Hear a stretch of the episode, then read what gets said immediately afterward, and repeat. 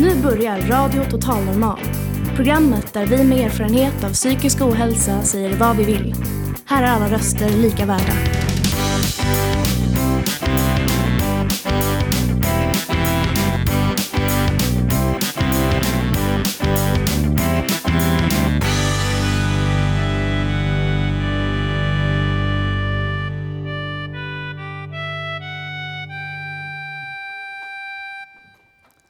Du lyssnar på Radio Total Normal, eh, ditt psyke i eten med mig Benny Rodin, han som pratar skånska fast är från Stockholm.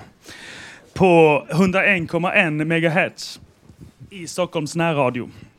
Vi sänder ju som vanligt från matsalen i Fountain House Stockholm, Götgatan 38, inför en livepublik. Ja! Ja, exakt.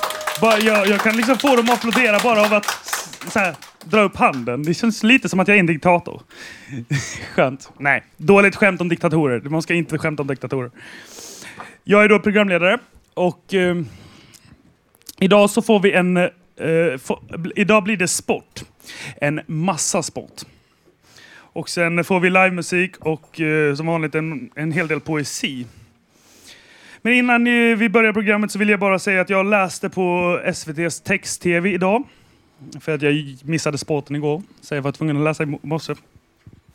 På temat sport så läste jag att den svenska alpina stjärnan Maria Petele Holmener, säg det snabbt tio gånger om ni kan, hade sagt att, och jag citerar nu, min målsättning i år är att, pres att prestera den bästa åkningen jag kan göra.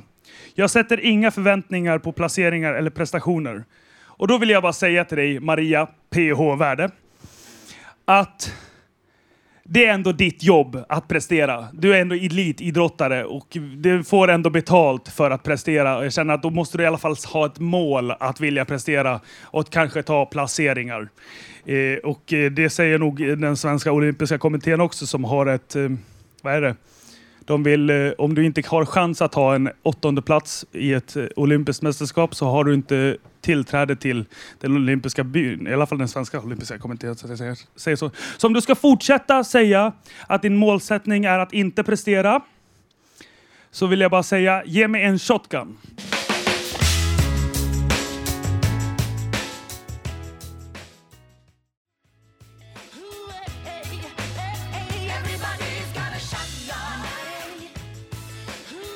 Ja, det där var alltså Ardis med Shotgun från 95. Eh, Maria Palmqvist och Peter Lindahl sitter här nu med två gitarrer. En tolvsträngad och en vanlig sexsträngad. Mm. Välkommen. Tackar. Och välkommen Peter. Tack, tack. Eh, vad ska ni få sp- spela för oss idag? Vi ska spela Flickan och kråkan av Mikael Wiehe. Den Ska låten. vi göra? Första gången vi kommer få höra den på svenska.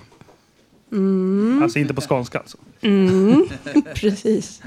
Varsågod. På rikssvenska. Rikssvenska till och med.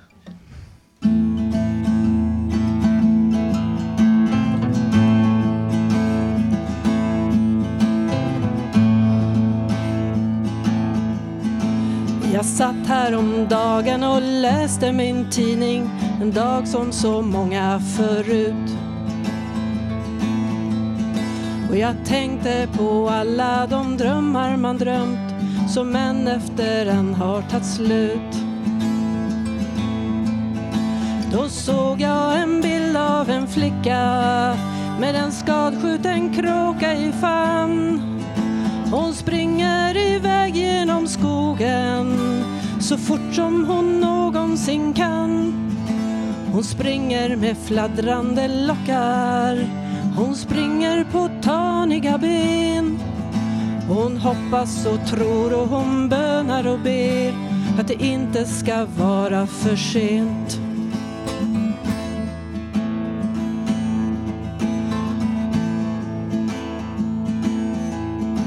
Och flickan är liten och hennes hår är så ljust Hennes kind är så flämtande röd och kråkan är klumpig och kraxande svart Om en stund är den alldeles död Men flickan hon springer för livet Med en skadskjuten kråka i famn Hon springer mot trygghet och värme För det som är riktigt och sant.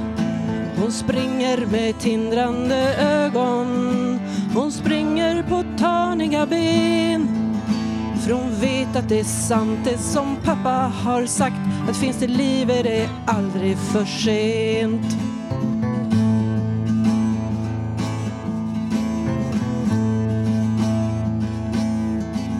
Och jag började darra i vånda och nöd.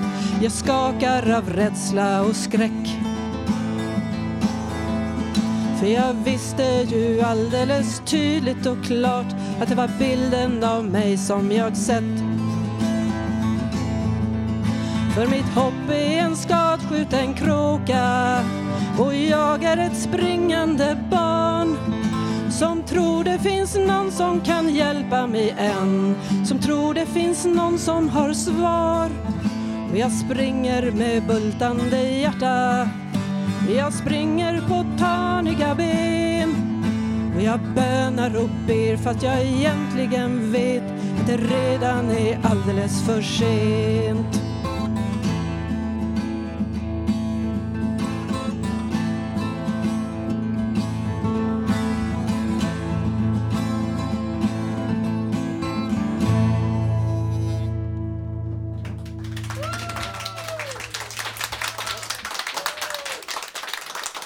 Tack så mycket. Tack så mycket. Tack. Tack, tack. Och eh, på det så eh, ska vi få höra Karin Lundgrens dikt Gatuflickan.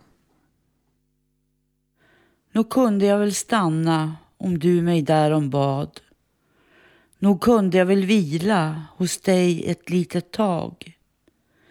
Men jag har ingen garanti att ge dig i ditt svärmeri. Nog kunde jag väl vara den kvinna du höll kär. Nog kunde jag väl skratta och le åt allt du sa. Nog kunde du väl lova att inget mer vill ha. Men jag har ingen garanti att ge dig i ditt svärmeri. Nog kunde jag väl stanna om du mig därom bad.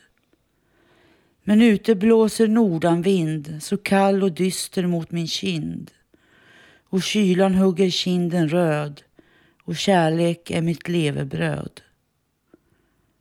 Nog kunde jag väl vila vid mörk och månan sjö. Nog kunde jag väl vaka tills dess du sagt adjö. Men jag har ingen garanti att ge dig i ditt svärmeri. Nog kunde jag väl stanna en liten stund där till. Där månen lyser på min hud tills eldens flamma brunnit ut. Nu kunde jag väl vänta tills nattens lek tog slut.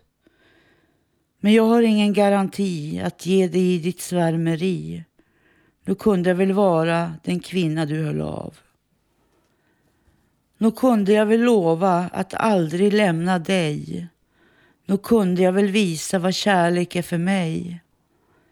Men jag har ingen garanti att bli mer än ett svärmeri. Nog kunde jag väl vara den kvinna du vill ha. Men ute blåser nordanvind så kall och dyster mot min kind och kylan hugger kinden röd och kärlek är mitt levebröd.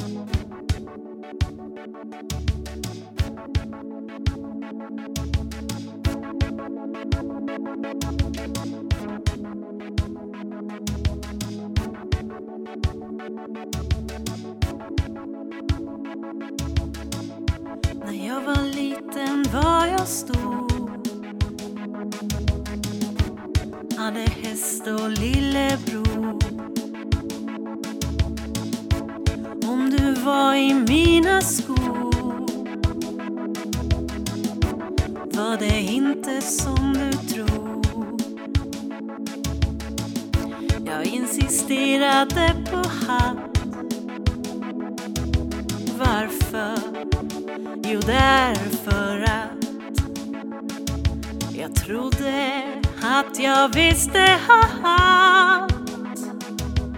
Men jag visste inte ett skvatt. Nu är jag stor men ganska liten. Vuxen och inbiten.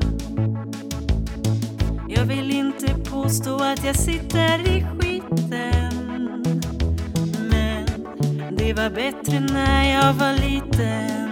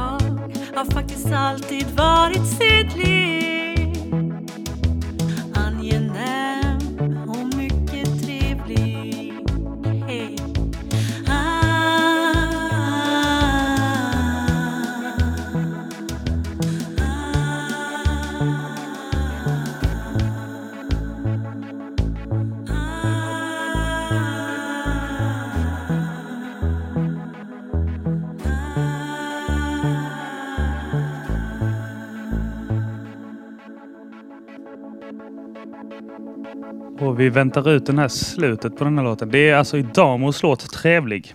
Trevligt Idamo.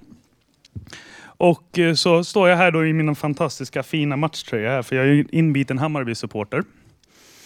Och eh, den här är en, jag står alltså med deras tigerrandiga bortaställ från två, säsongen 2005 och på den säsongen var hela allsvenskan sponsrad av Svenska Spel och 13 rätt-kampanjen, 13 rätt respekt.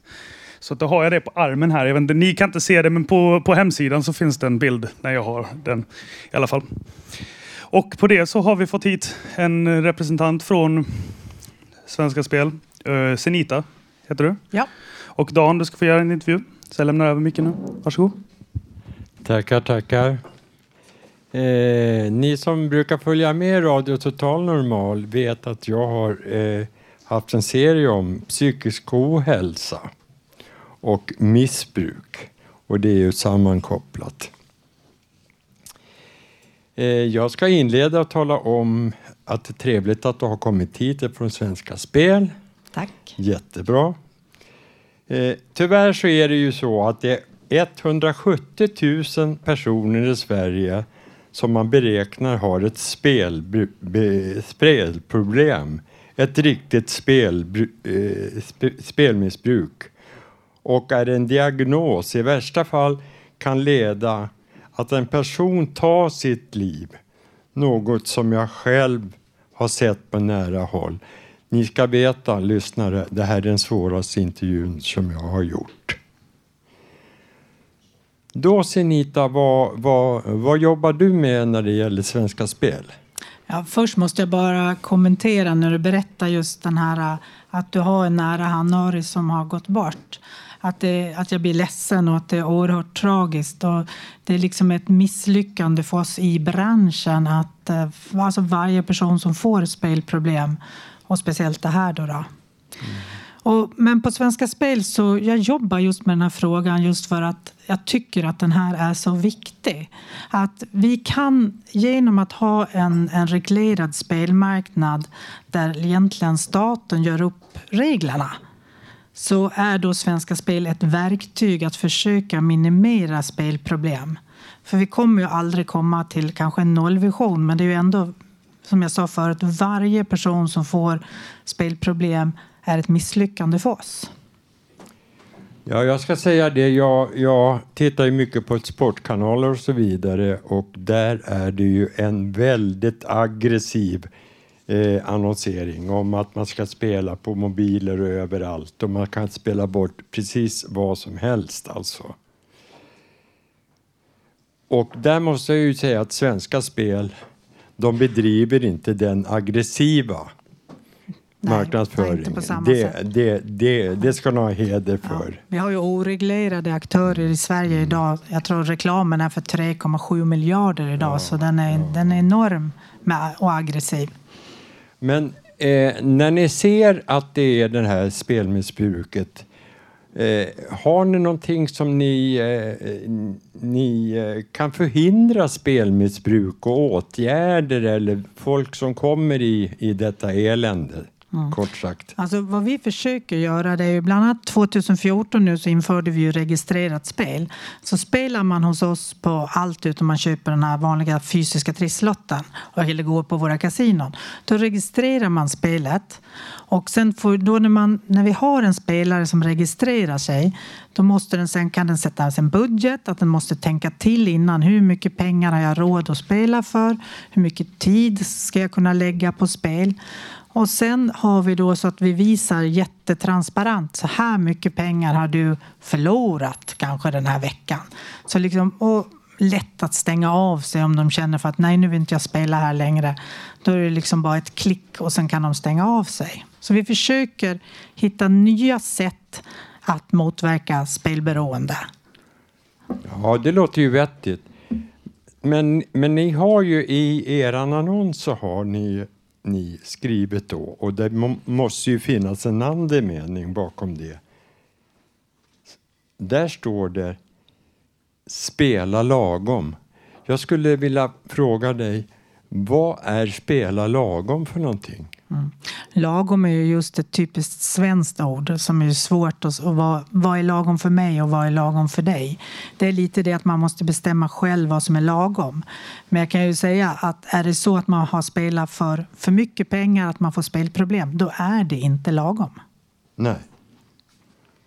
Som, som i mitt fall då, då en, en ungdom på 28 år tog sitt liv. Det var ju fruktansvärt. Ja, För det är ju fruktansvärt. väldigt mycket skam och skuld med det här med att man spelar bort både lägenhet, Mm. fru, barn, arbete, blir uteliggare. Mm. Om Det är fruktansvärt Ja, alltså. om man jämför med många andra missbruk så tar det oftast längre tid innan man upptäcker ett spelberoende. Och sen också det här att konsekvensen, just den ekonomiska konsekvensen är kanske inte samma för en alkoholist som för en spelberoende till exempel. Det går fort eh, att, att du får stora skulder. Ja. Eh, sen, sen har jag hört talas om att ni har vissa planer att ni ska eh, sätta ut sådana här eh, jaktmaskiner på lite andra ställen än restauranger. Stämmer det? Vi har ju såna här värdeautomater som kallas Vegas Ja. som vi har ute hos restauranger. Eh, och där ville vi göra en test att sätta ut dem hos andra ombud också. Eh, men det har vi ännu inte tillstånd på. Utan, men vi har sökt att få lov att, att testa att sätta ut det hos våra spelombud där det redan finns spel. Ja, men jag skulle vilja säga så här. Eh, tror du inte att det är större risk att folk spelar, spelar ändå mer när det finns fler automater nära tillgängligt? Här handlar det ju delvis om att vi har ett kanaliseringsuppdrag. För det finns eh, 2 till 3 000 illegala maskiner som är helt utan kontroll. Och då ska vi testa om liksom den delen kan minska. Och sen har vi också det här att få lov att testa att ha de här maskinerna i en miljö som är alkoholfri. Och vi vill ju göra det här tillsammans med Folkhälsomyndighet och forskare. Så är det att vi ser att eh, vi hittar nya målgrupper som får spelproblem och så här, då, är det ju, då måste vi göra någonting och så får man ju ändra. Alltså, vi vill göra det som en transparenstest kan vi säga. Ja, och så fick jag höra då att man skulle sätta då en spelgräns på 10 000. Nej, det vet jag inte riktigt. Det vet du Nej. inte. Men det är någonting som har nämnts på tv, men det har jag kanske missuppfattat. Ja, men det är ju mycket pengar. Ja, Det blir ju 70 000 i veckan för ja, en ja det pensionär. är jättemycket pengar. Ja. Och hur tycker du de andra spelbolagen nu då, de som befinner sig i Malta som inte vi i Sverige kan komma åt? Hur, hur, hur tycker du att de agerar? Ja, vi, först då, vi har ju reglerade bolag i Sverige och de tillsammans, tillsammans med dem försöker, vi har ett etiskt råd där vi försöker jobba med de här frågorna ihop. Och sen de här oreglerade som vi kallar dem då, eh, de är ju oreglerade och det, måste, det är våra politiker som måste bestämma sig hur de vill, vill. Och nu har man ju bestämt att det ska bli en utredning, men den kommer ungefär ta tre år, där man sen kommer bestämma då att vad är det för spel som ska finnas på spelmarknaden, vem ska, vilka aktörer ska få sälja spel och, och här kommer det bli så jätteviktigt, hur kommer konsumentskyddet bli?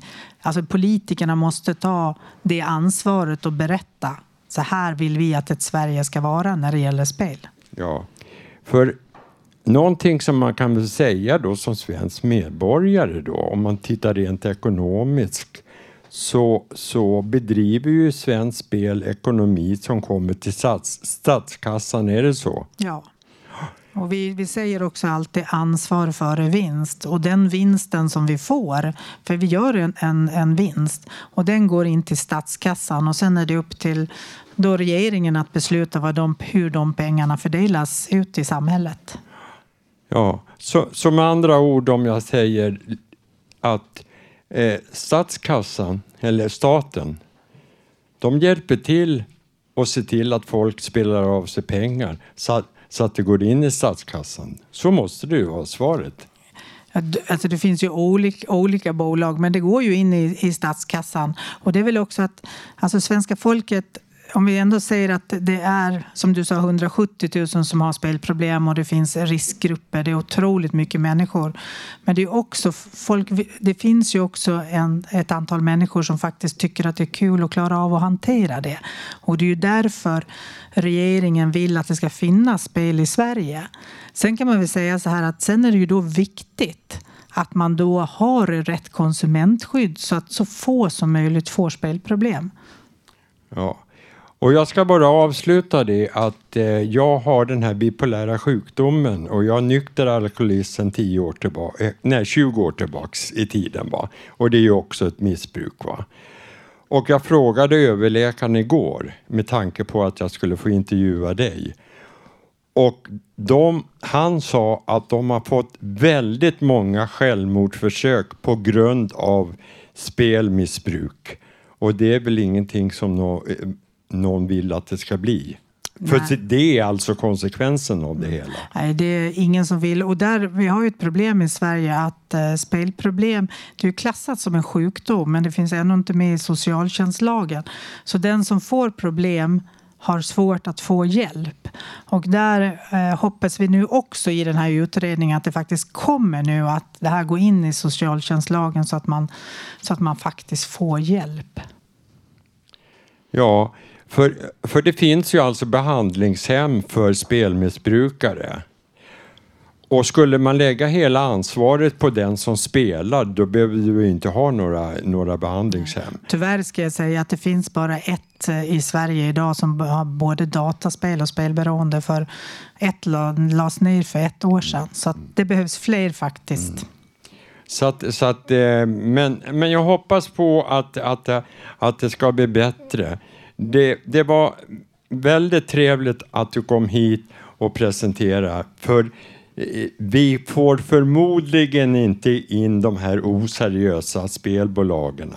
Och i ett kommande program så hoppas jag att vi får prata lite grann med ATG också. Då vill jag tacka dig så hemskt mycket för att du kom hit. Ja, tack själv att du delade.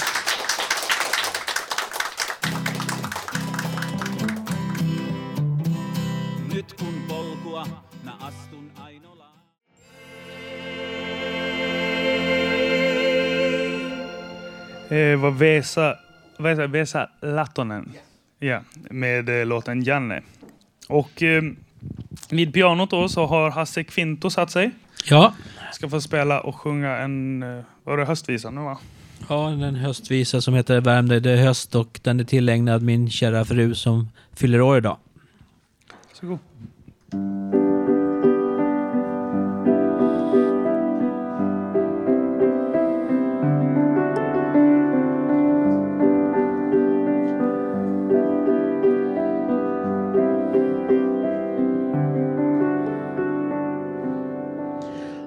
löv faller från träden.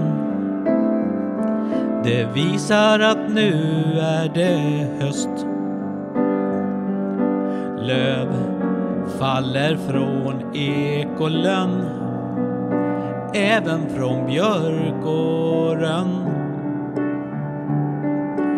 Och de blir gula och granna. Ett äpple blir moget året.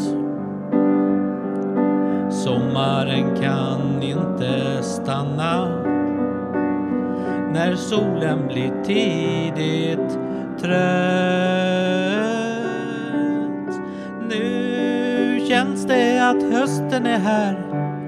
Ta på dig din tröja som ligger där. Klä dig ordentligt och håll dig varm. Värm dig famn. Nu känns det att hösten är här. Ta på dig din tröja som ligger där. Klä dig ordentligt och håll dig varm. Värm dig i min famn. Vi går här bland lövträd och svampar. Du plockar en fin kantarell. Det regnar i stövlar vi trampar. Medan det lider mot kväll. Jag plockar en ståtlig Karl Johan. En svamp som smakar så gott. Hösten är vacker och färggrann innan det blir riktigt grått. Nu känns det att hösten är här. Ta på dig din tröja som ligger där. Klä dig ordentligt och håll dig varm. Värm dig i min famn. Nu känns det att hösten är här. Ta på dig din tröja som ligger där. Ordentligt och håll dig varm. Värm dig i min famn.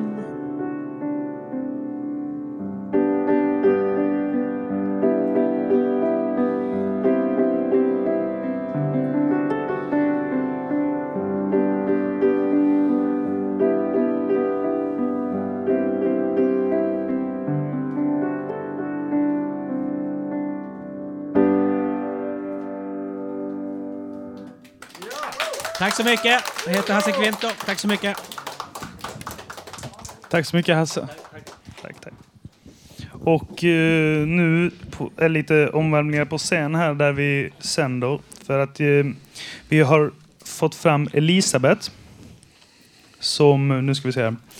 En, medlem på, en aktiv medlem på huset sedan drygt sex år tillbaka. Som ska få berätta om en utställning.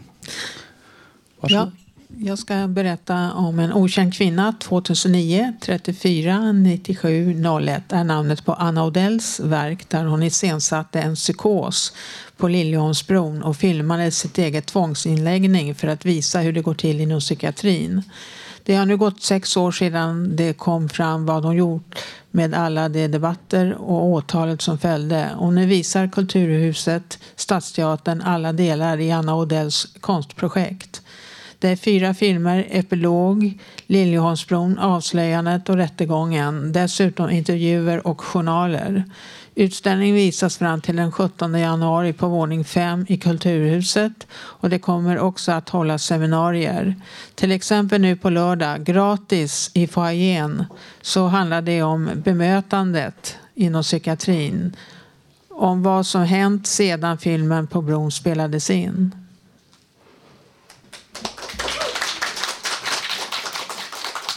Vi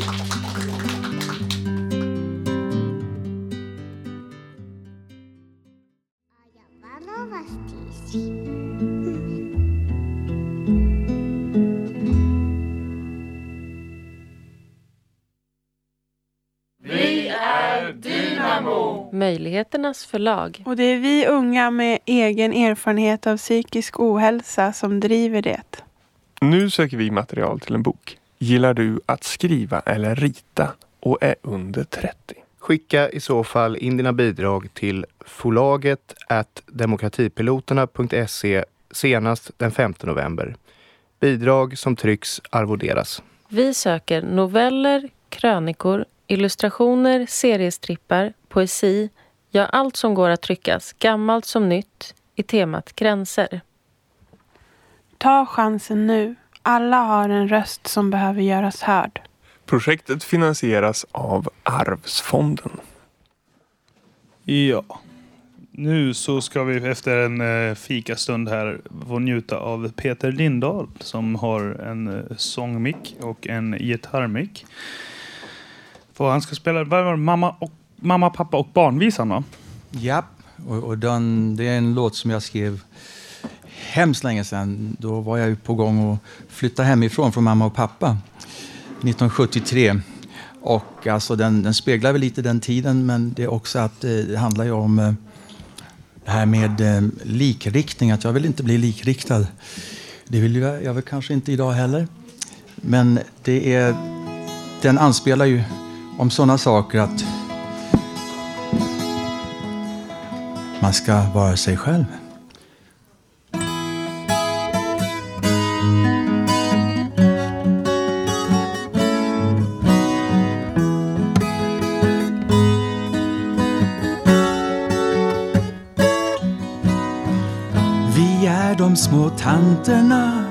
Som ofta sitter i parkerna och skvallrar på varandra som tanter gör. Vi talar stolt om vårt prydda hem och väntar tålmodigt tills far kommer hem. Sen lägger vi små barnen som mammor gör. Och när ljuset släckts tvn stängts av på sin rullbordstron sover jag så tätt intill min man som tycker jag är god. Jag tycker det känns bra att ha barn. Jag är nöjd blott jag får se min lille le. Det är så lätt att leva som livets upprätthållerska och jag är nöjd med det. Ja, jag är nöjd med det. Och vi är de starka kararna som sitter hela dagarna och skriver på viktiga papper kapitalets tjänst. Och medan vi sitter på bakarna och kommer upp i graderna så blir vi blott större och fetare.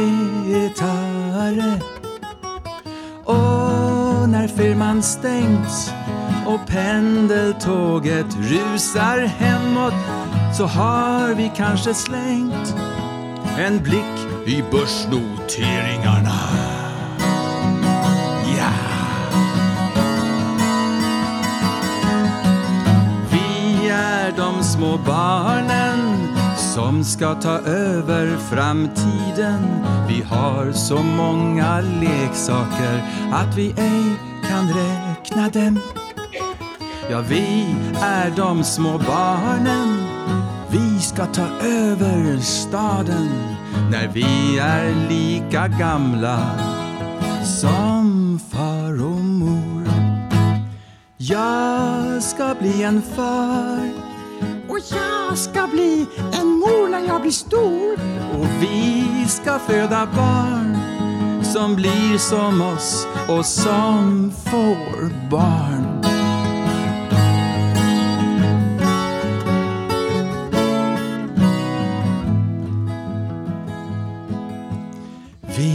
Tycker det är bra att vara barn. Det är skönt att vara passiv, att se hur livet flyter förbi.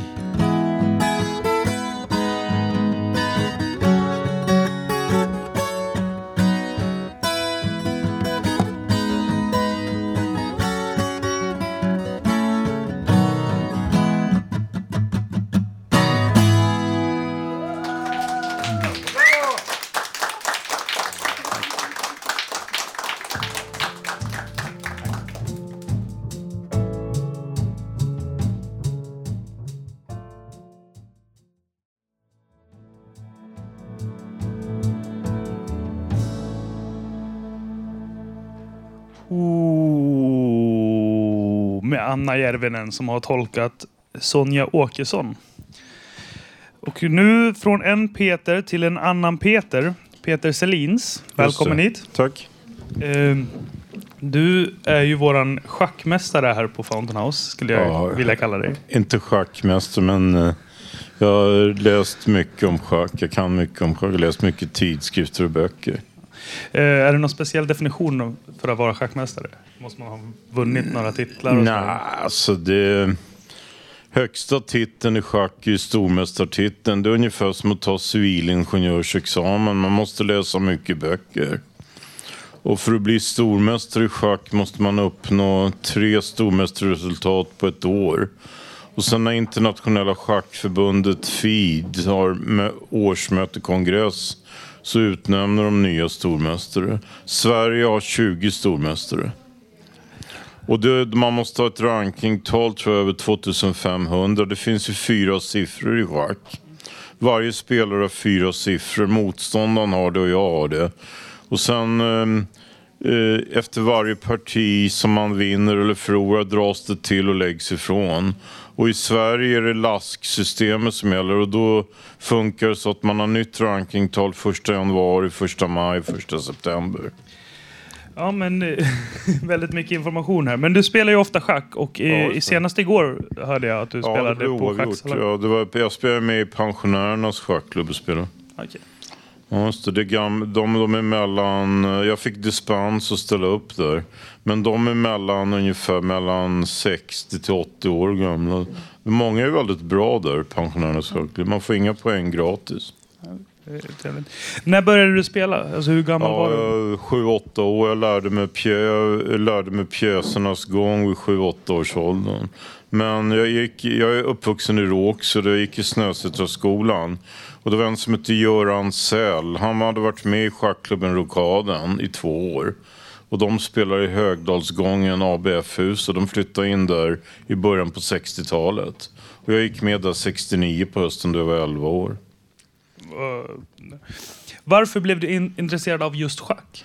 Jag vet inte, det är svårt att säga. Alltså, eh, schack är ju världens svåraste spel. Men eh, min pappa lärde mig schack när jag var 7-8 år. Men sen spelade jag i skolan då när jag var 10-11. Och då lyckades den här Göran Säll övertala mig att följa med till rokaden. Och sen eh, mötte man starkare och starkare spelare. Jag tycker det är bra gemenskap med schacket. Man träffar många intressanta människor.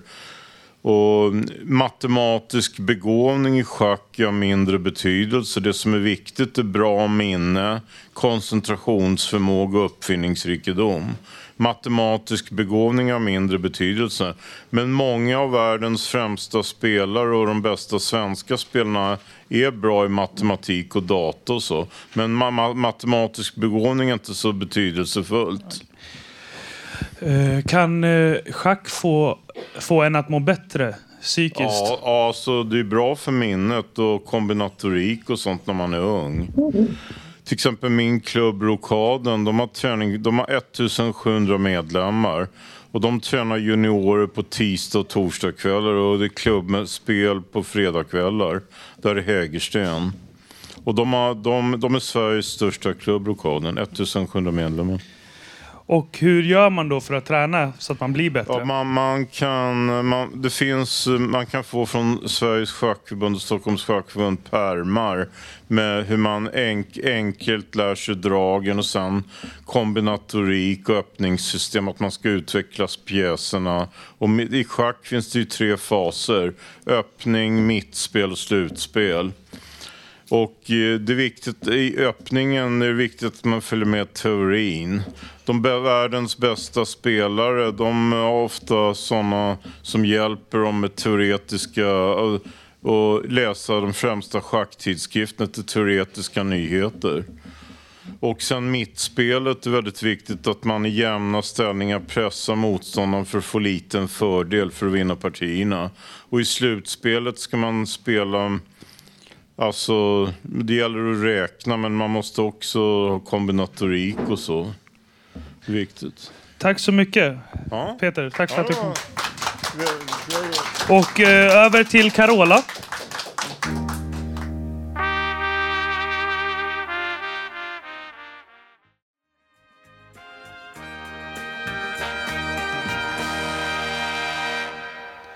Carola med Rakastan Sautan. Bra uttal, tack. Karl Unbom står här vid eh, och välkomnas till programmet utav mig. Tack. Varsågod. Ja, jag ska läsa en dikt som heter Länge tycktes mig livet som vinden. Länge tycktes mig livet som vinden och vinden vände med sällsamma rytmer om sommaren. Som om ingenting annat än sommaren talade om stillhetens gåtor. De som stillades lika sällsamt som människans längtan.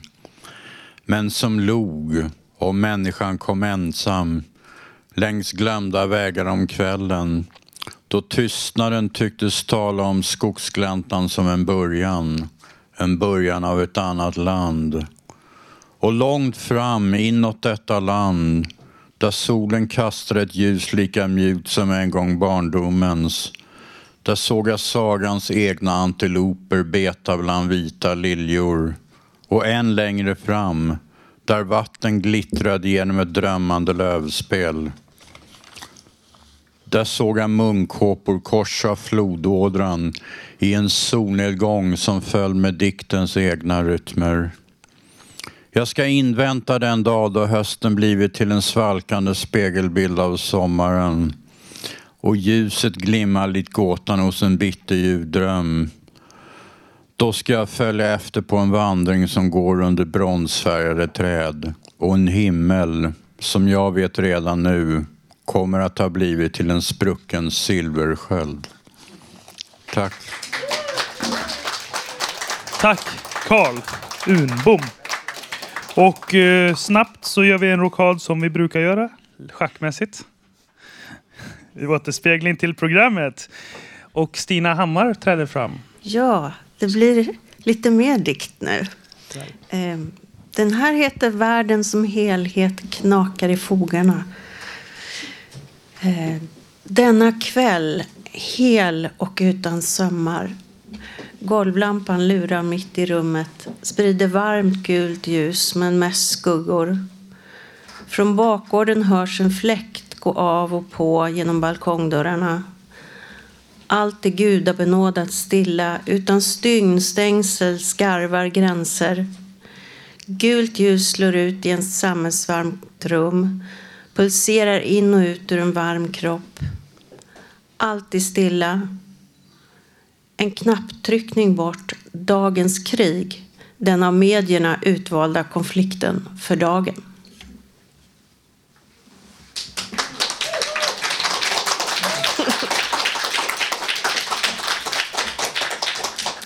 Och så kommer en till, kort här. Eh, Ta fart blickstilla heter den. Jag, jag rör mig inte, det tror ni ja. Men i själva verket är det ni som inte rör er. Medan ni vänder er bort och stirrar i väggen så jag, har jag rört mig en massa ljusår. Det är som leken vi lekte på skolgården där någon stod med ryggen mot en vägg och man skulle stå blickstilla om denne vände sig om samtidigt som målet var väggen. Om det syntes att du rörde dig var du ute. Samma ibland, fast kosmiskt, händer också i människors liv. Vilken liten rörelse pennans väg över pappret är. Ändå kan den försätta jordaxeln ur led.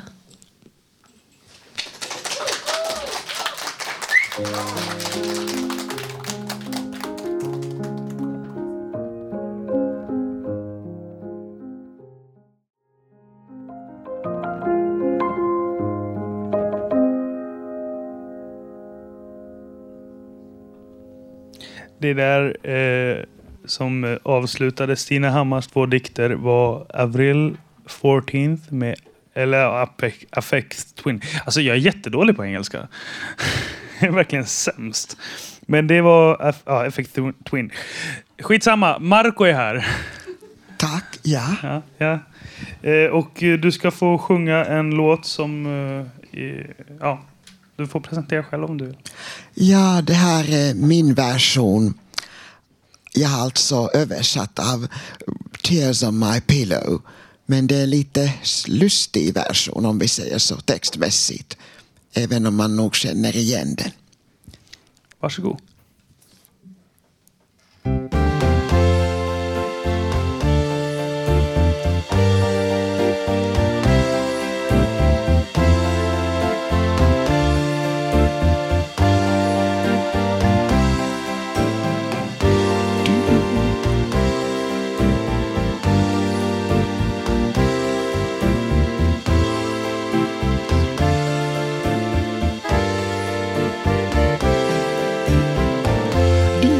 Minns mig ej längre, men jag minns dig så väl.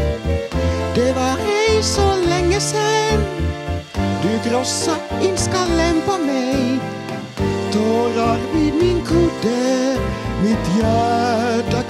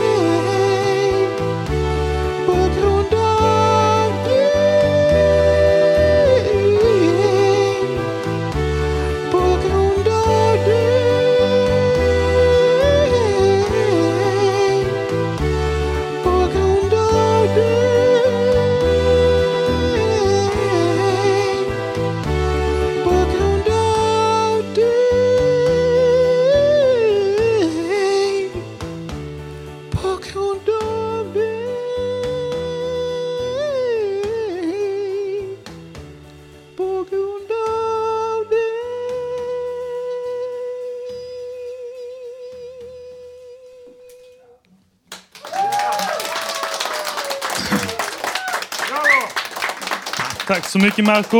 Och fortsätt göra rockader gör vi i det här programmet som är vårat, eh, ja. Och fram stiger då Robert Navestam. Bra, hej, tack. Och så- Torsdag. Va? Torsdag. Ja. Ja. Va, vad ska du läsa?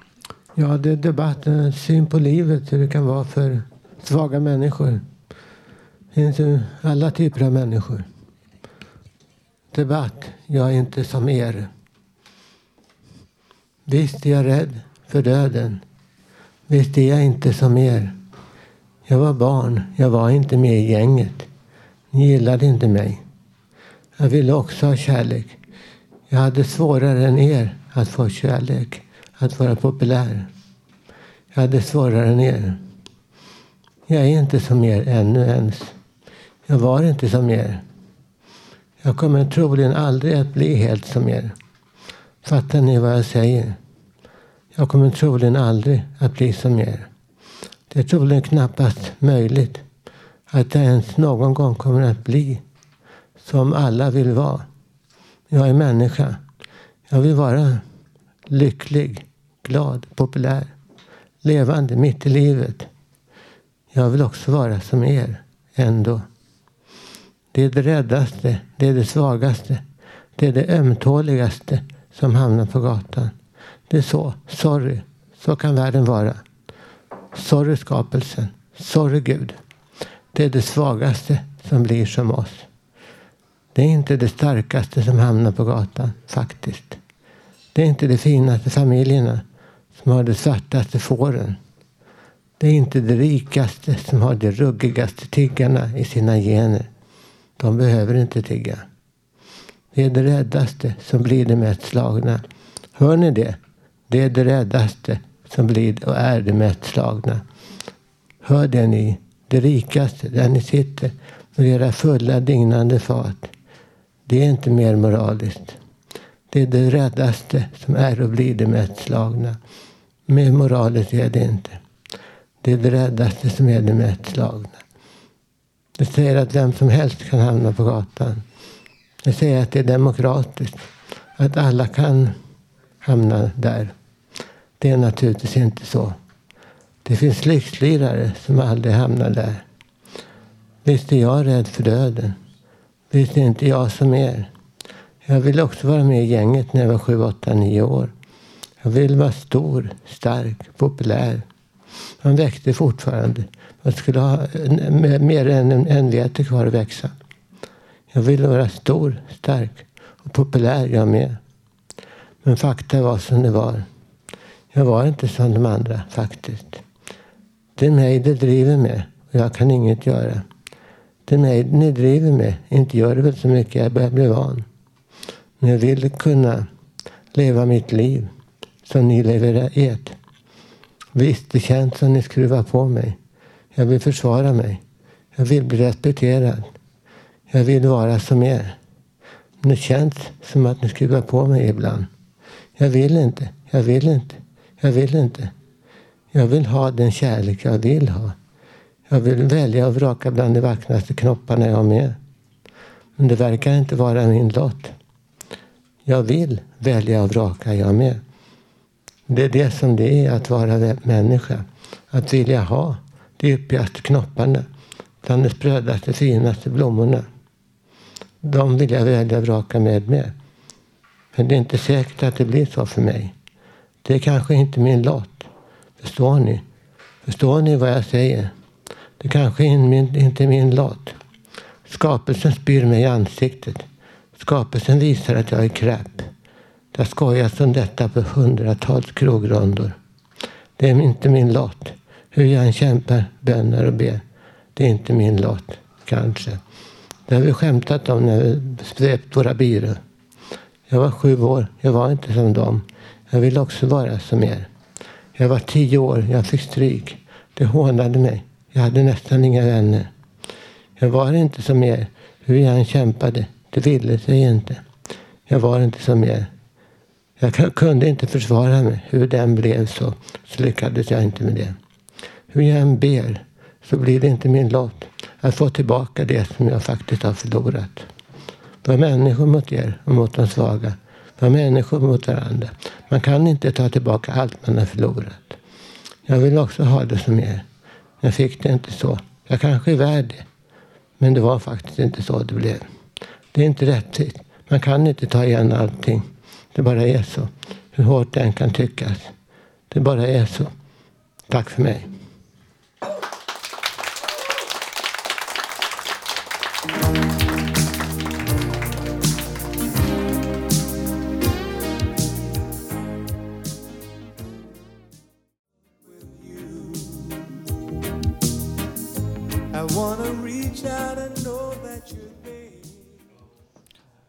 Det där var alltså Boris Gardner med I wanna wake up with you. I wanna sleep right now, skulle jag säga. Jag är så jävla trött. Ursäkta att jag svär. Det får man inte göra har jag hört. Men eh, nu har Tommy satt sig och ska få spela lite. Vad ska du spela idag? Jag ska spela en filmmelodi. 1960 kom en westernfilm som heter The Alamo som handlade om um, klostret nere i Texas där de försökte försvara eh, befria eh, Texas ifrån um, Mexiko. Och uh, den var rätt så vidd. Ett av de största krogslagsmålen där. Och um, ryssen Dmitrij Tjomkin kom till USA på början på 1900-talet och han började skriva massa filmmelodier och den här då som är till filmen då och den heter The Green Leaves of Summer.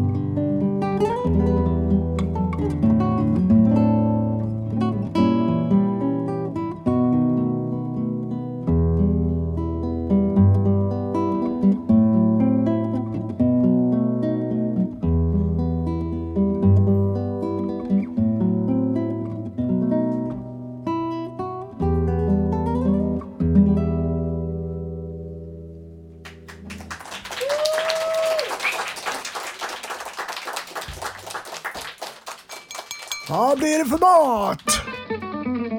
Radio Total Normals egen radiokock Håkan Eriksson delar med sig av ett mycket smarrigt mattips. Mums filibabba. Mm. Det är gott. Eh, lite, lite mer salt. Ja, det, det smakar lite citron. Mm, vad gott!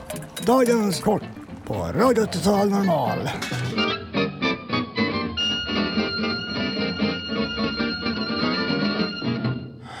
Ja, då blir det Håkans köttgryta med svamp och kokosmjölk. Tärna valfritt kött och bryn det i rapsolja. Dela olika sorters svamp och bryn den. Mixa grönsaker i buljong. Lägg allting i en stor gryta och låt det koka. Och ni kan tärna lite gul utav den vita purjolöken också om ni känner för det. Och till det eh, kan ni ha ris eller potatismos eller varför inte pasta. Ni väljer själva det. Smart måltid. Jag kommer i ett senare program fortsätta med matlinjen. Så tack för mig för denna gång. Skönt med lite middagstips nu när man ska faktiskt ta sig och börja röra sig hemåt snart. För nu är det fan... Med, det, svär jag en gång till! Det är jättedåligt! Vad håller på med att hända med min kropp alltså? Nu är det slut. Eller slut. Vi har en liten, liten grej. Jag ska göra det som vi i radiospråk brukar kalla för eftertexter. Det är som i tv-bilden skulle ha rullat efter på någon svart bakgrund. Eller något, jag vet inte. Nästa torsdag har vi höstlov. Då får ni höra en program om schizofreni i repris och, i repris och nästa gång ni hör oss live är från Götgatan. 5 november på temat poesi då Viktor Friberg är eran värd. Fram tills dess kan du lyssna på oss på webben www.radiototalnormal.se eller på Soundcloud. Du kan också hitta oss på Facebook och Twitter. Radio Total Normal drivs av- föreningen Fanzingo med stöd från Socialstyrelsen och Fountain House Stockholm. Och tekniker idag var Gustav Sandén.